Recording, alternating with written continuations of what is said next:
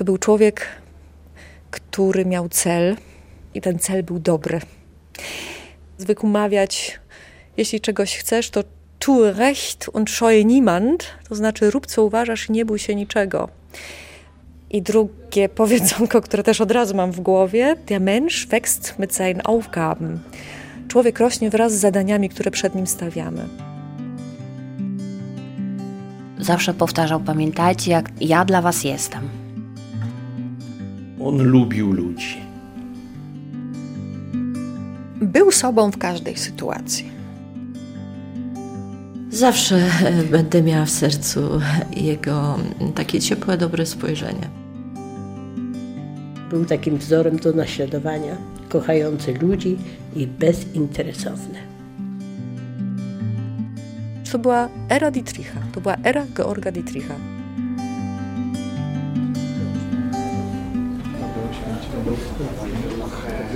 Ja bym nie chciała przedłużać e, tej e, uroczystej chwili, dlatego że Państwo nie wiecie, kto stypendia otrzyma, więc mamy taki rodzaj e, napięcia jak przy rozdawaniu Oscarów, prawda? Więc nie przedłużajmy tego. Wszyscy, którzy od początku obserwowaliśmy jego działania, nawet jeśli na początku uważaliśmy je za bardzo takie wyidealizowane, staliśmy się świadkami tego, że to działa. W 1999 roku, wkrótce po podpisaniu Partnerstwa Miast Olsztyn-Offenburg, Georg i Maria Dietrich założyli właśnie fundację, która na celu miała i nadal ma wspieranie wszelkich inicjatyw, które zbliżają mieszkańców Olsztyna, ale także studentów, którzy niekoniecznie pochodzą z Olsztyna. Mam przyjemność zaprosić tutaj panią Natalię Ankowską i pana Mateusza Duchlińskiego. Po germańsce najchętniej chciałbym iść w stronę tłumaczenia. E, jeżeli by się udało do tłumaczenia ustnego, to znaczy tłumaczenie symultaniczne. Myślę, że to bardzo fajnie otwiera mi drzwi, żeby właśnie w Niemczech móc pracować i poznać ten kraj, kulturę i ludzi.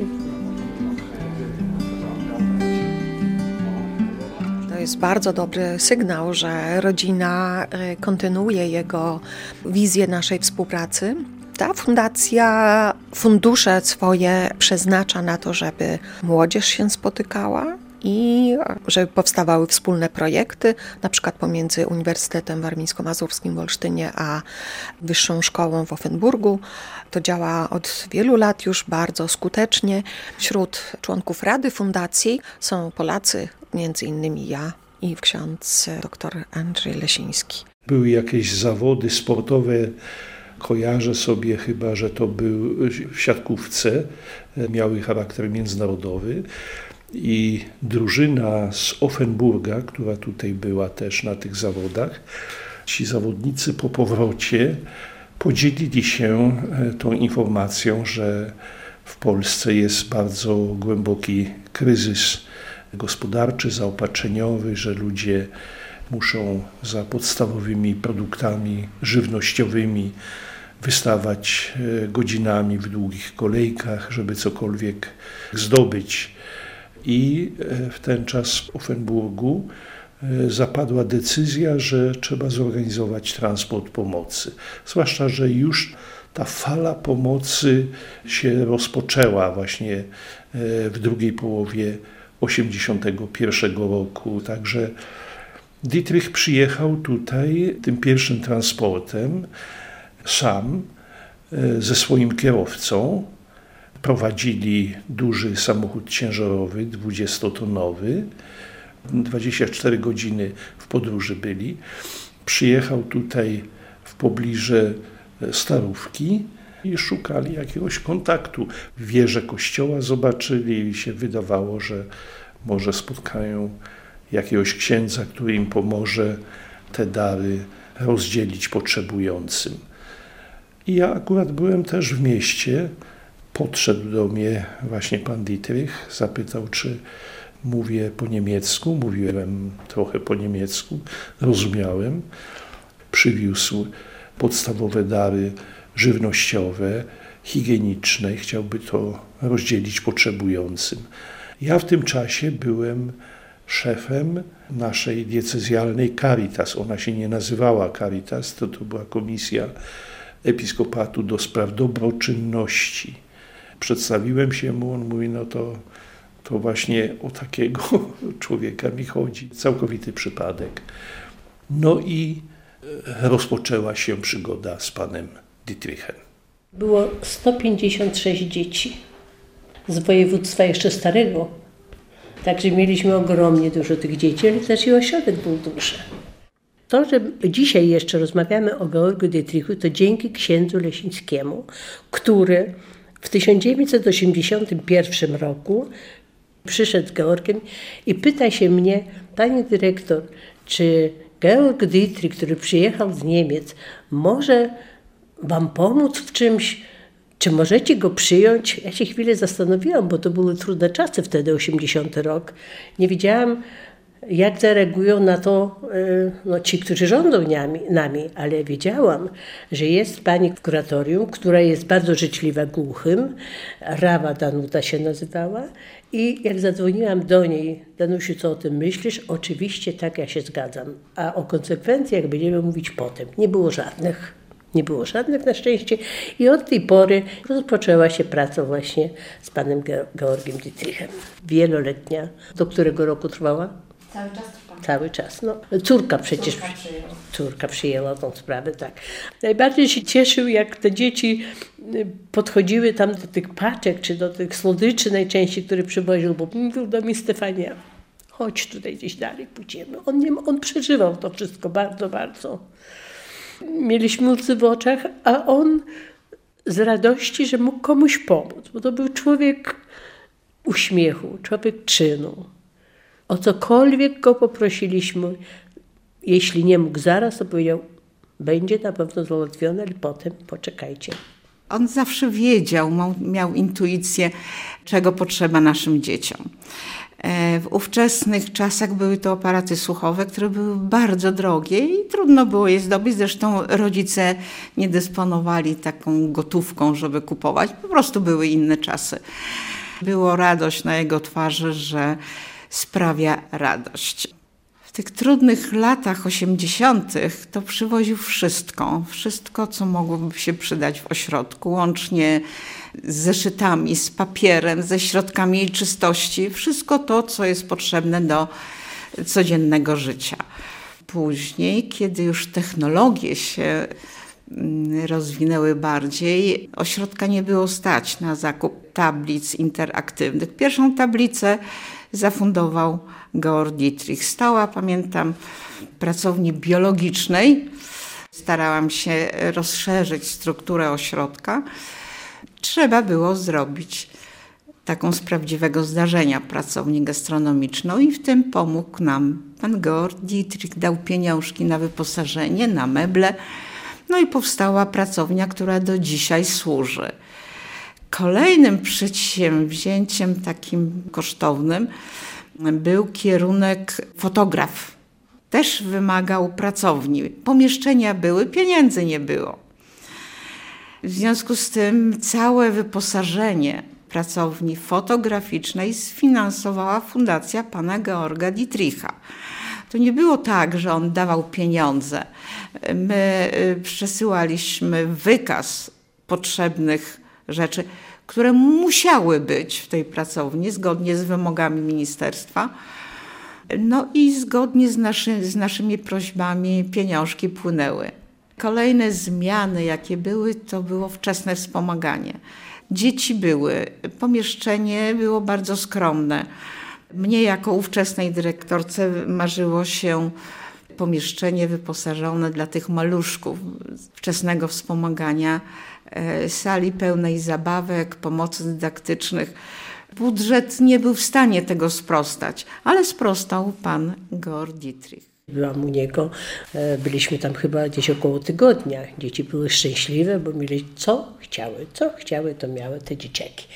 Dużo o nim, dużo o nim napisałam.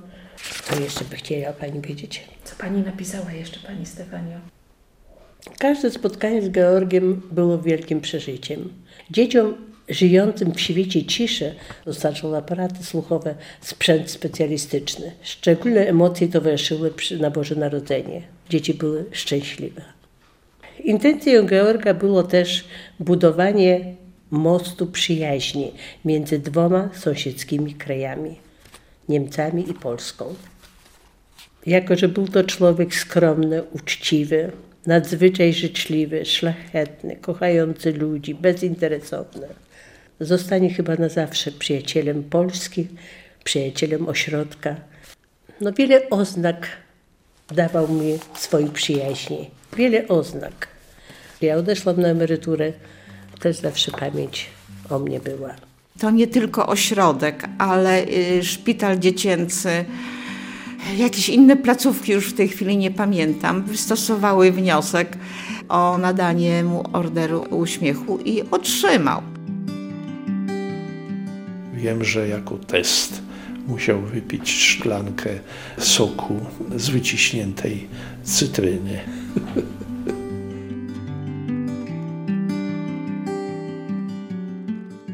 Ta nasza znajomość trwała od 1981 roku do jego śmierci, która nastąpiła 10 lat temu, a więc kilkadziesiąt, kilkadziesiąt lat się znaliśmy. On mi zaufał, ja także nabrałem do niego bardzo wielkiego zaufania. Dietrich należał do pokolenia, które przeżyło II wojnę światową.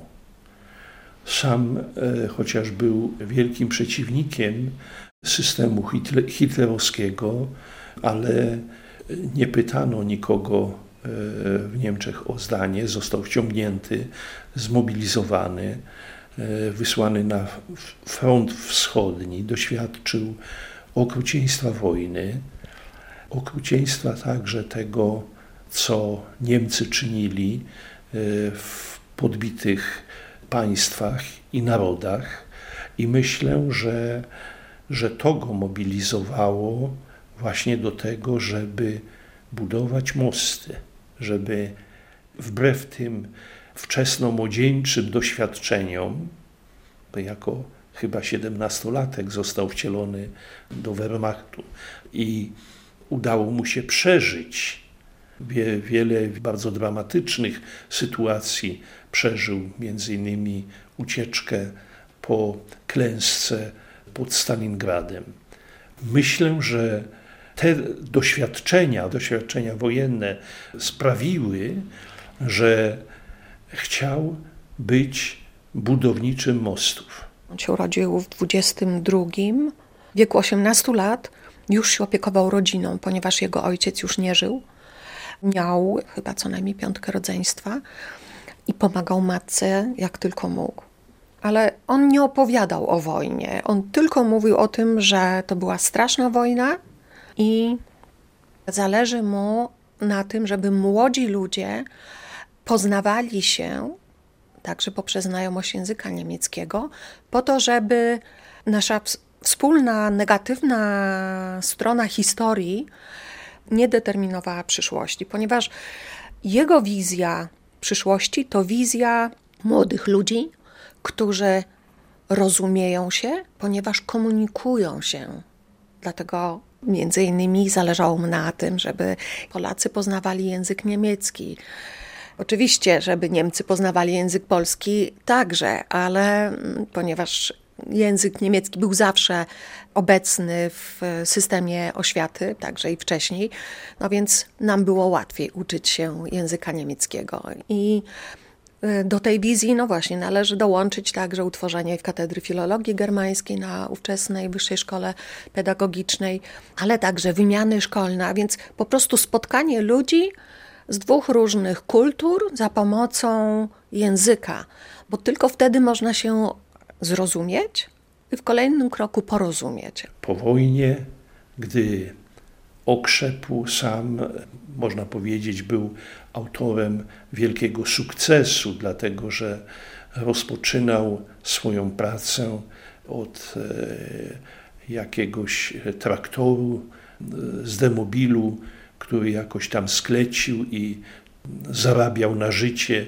swoje, swojej żony, posługując się tym pierwszym traktorem, a doszedł do tego, że miał wielką firmę spedycyjną z wieloma filiami, i to nie tylko w Niemczech, także za granicą, w Paryżu na przykład. Był naprawdę człowiekiem sukcesu i doszedł do wniosku, zwłaszcza gdy przyjeżdżał tutaj do Polski, widział z jaką sytuacją borykają się Polacy i zaczął właśnie te, budować te mosty, bo trzeba powiedzieć, że nie tylko pomagał Polsce.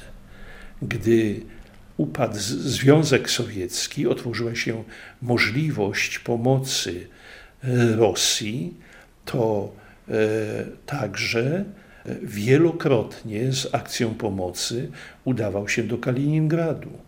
Pomagał szpitalom. To, co myśmy przeżywali, to było naprawdę nic w porównaniu z, z tą nędzą i mizerią, jaka miała miejsce tuż po upadku Związku Sowieckiego w Rosji. Gdyby żył dzisiaj, to myślę sobie, że pewnie by pomagał y, Ukraińcom. O tak, z całą pewnością byłby na pierwszej linii pomocy. Gdy dotykał spraw wojny, miałem bardzo głębokie przeświadczenie, że był przeciwnikiem wojny. Wojnę uważał za szaleństwo. Każdą wojnę uważał za szaleństwo. Miał przeświadczenie, że Bóg go ocalił.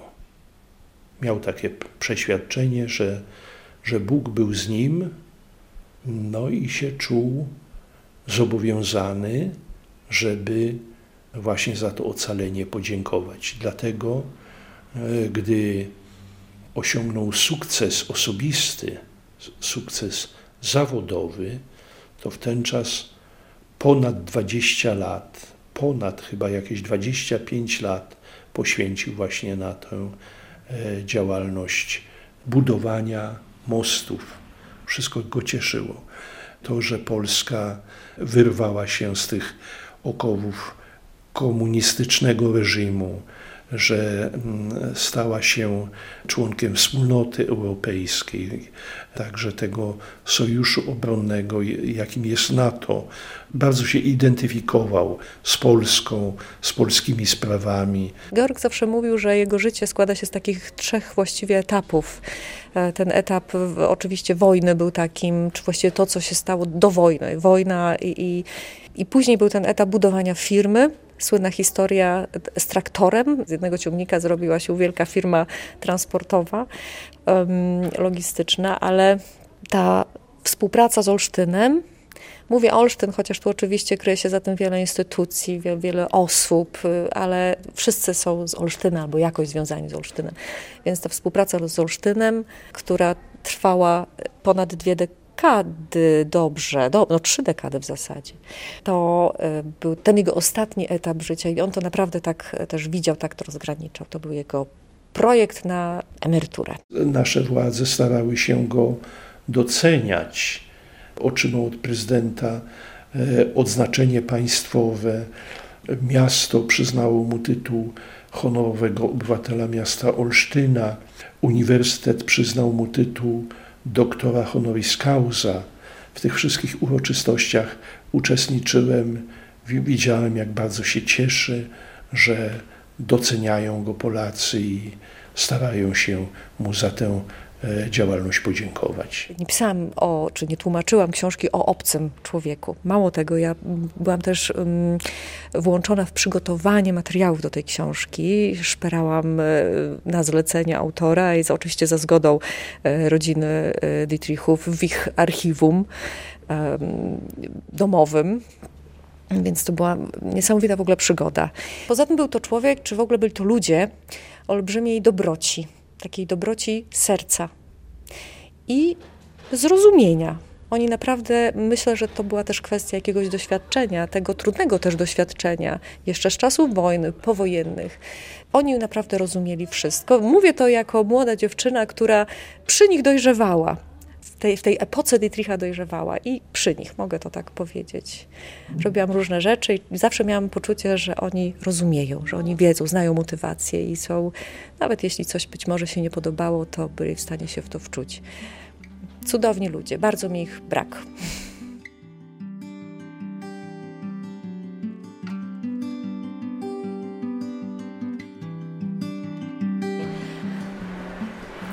To jest 5000 metrów, tak? To e, Georg Dietrich e, dał zaczynek do tych dwóch budynków, e, a my dobudowaliśmy jeszcze salę gimnastyczną już jakby tym imperatywem wewnętrznym pokierowani, że tak dobro należy szerzyć, no to zaczęliśmy szerzyć i, i jakoś tak to pootwierało wiele dróg, ale pewnie dlatego, że pokazaliśmy, że jest sprawczość po naszej stronie i że są takie potrzeby.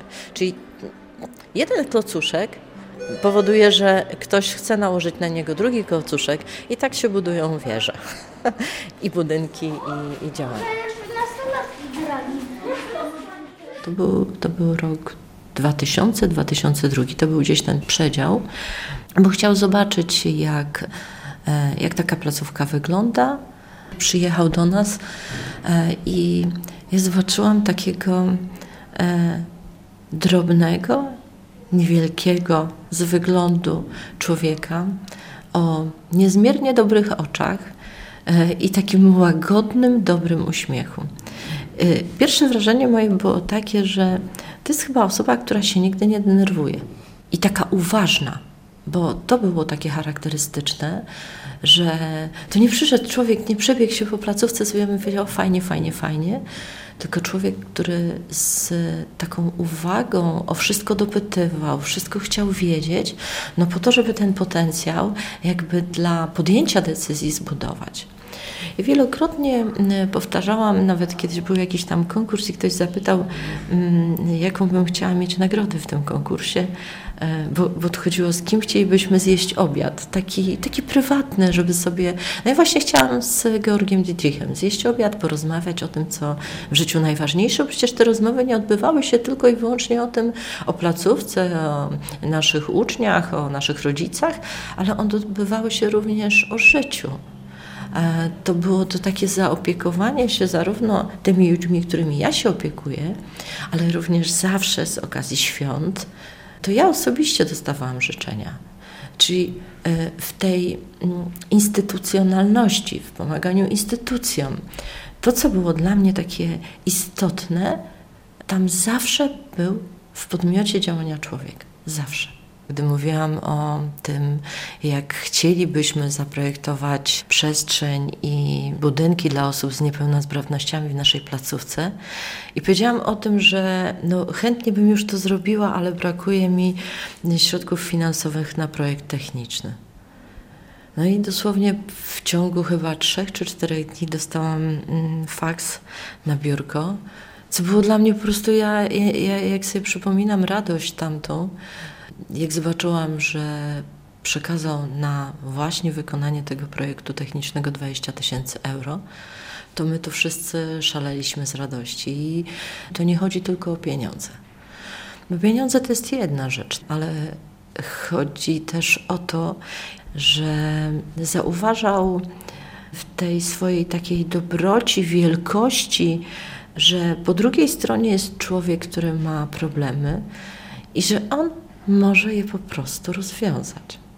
Georg, e, jego temperament był taki dosyć ekstrawertyczny, dosyć taki otwarty, ale także i no, emocjonalnie bardzo mocno naładowany. Natomiast Maria była osobą e, odwrotnie introwertyczną, stonowaną, niezwykle mądrą osobą życiowo.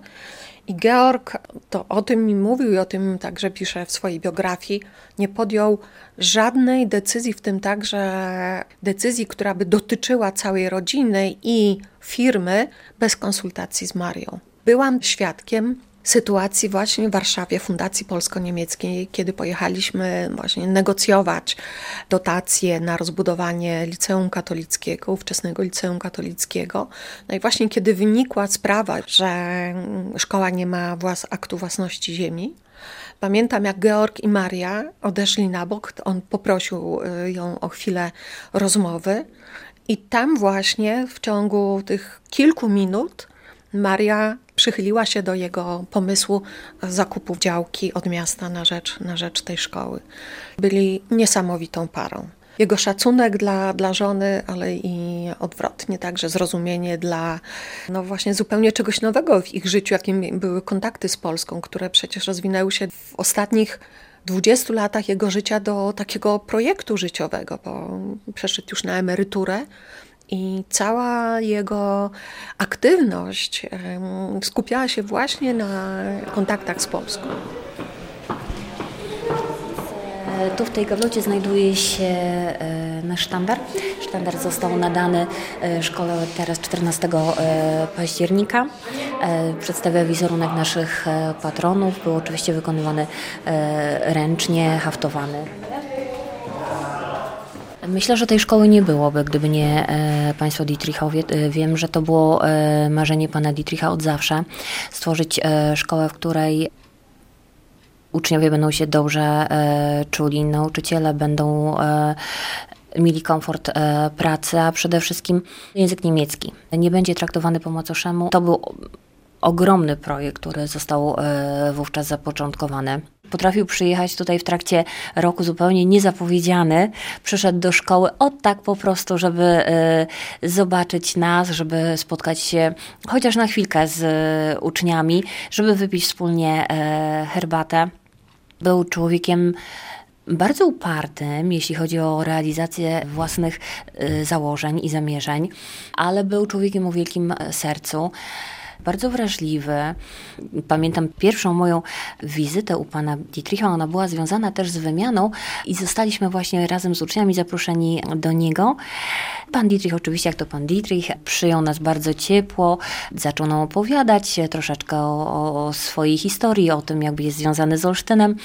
Później pokazał nam to właśnie swoje obejście, a w obejściu były osiołki, ukochane zwierzątka pana Dietricha. Za każdym razem, jak byliśmy w Offenburgu, dopóki pan Dietrich miał miał siłę, to e, zawsze znalazł e, chwilkę, żeby e, z nami się spotkać.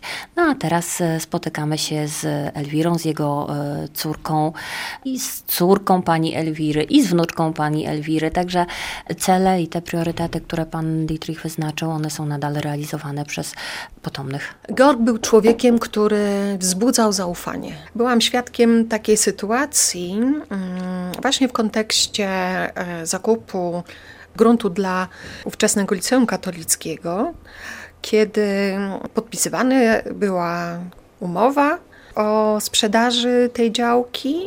Obecny przy niej był wówczas jako reprezentujący władze miasta Olsztyn e, dr Janusz Cichoń. I pamiętam, że tuż przed podpisaniem ówczesna pani skarbnik miejska zwróciła uwagę, że pieniądze za zakup nie nie zostały jeszcze przelane, przynajmniej nie, nie zaksięgowane na koncie miasta, pomimo że Georg miał ze sobą zaświadczenie o dokonaniu przelewu, ale to były lata, w których na przelew czekało się tydzień albo i dłużej z zagranicy. I pamiętam, jak właśnie pan e, Cichoń wówczas powiedział to, ale my ufamy panu, ja jako pierwszy podpisuję tę umowę, nie mamy żadnych zastrzeżeń. Niezapomniany moment, jeden z wielu. Kiedy myślę o Georgu, e, widzę też człowieka znawcę ludzi. To na pewno pomagało mu w dążeniu i uzyskiwaniu celów, które sobie wyznaczył. Był wspaniałym negocjatorem, co pozwalało mu uzyskać swoje cele w bardzo trudnych sytuacjach. Myślę tu na przykład o naszym liceum akademickim, uniwersyteckim, które miało różne koleje i y, myślę, że to dzięki Gorgowi ono nadal jest. Potrafił przekonywać innych do swoich racji bardzo skutecznie. Potrafił przeczekać, potrafił znaleźć odpowiedni moment i użyć odpowiedniego argumentu. I robił to tak, że i to była chyba ta też wielka cecha, że chyba nikt nie był na niego obrażony. Chociaż emocje były, ale on wiedział, że czyni dobrze, że czyni właściwie. I przyznam, że ja zawsze miałam też takie poczucie, że tak, tak powinno być. Często towarzyszyła mu jako tłumaczka w różnych sytuacjach i dla mnie to była szkoła życia. Taka dobra szkoła, właściwa. Mogę sobie dzisiaj powiedzieć, że chciałabym tak. To była szkoła, pozytywna szkoła życia, pozytywny wzór. Zmarł mając 92 lata. Właściwie nie chorował, miał słabe serce. e, i przy tym słabym sercu bardzo troszczył się o swoją żonę, martwił się, która zachorowała na, na nowotwór. Na jego oczach gasła. Właściwie na jakiś dobry miesiąc przed nią serce przestało pracować.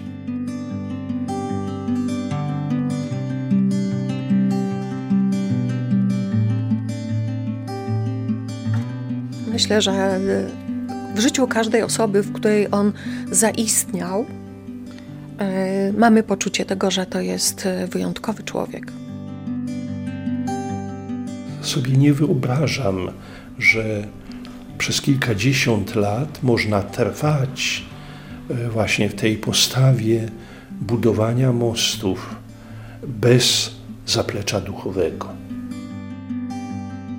Dobro siane przez Gorga Dietricha po prostu rośnie, mnoży się, dzieli. No właśnie, ludzie są najważniejsi.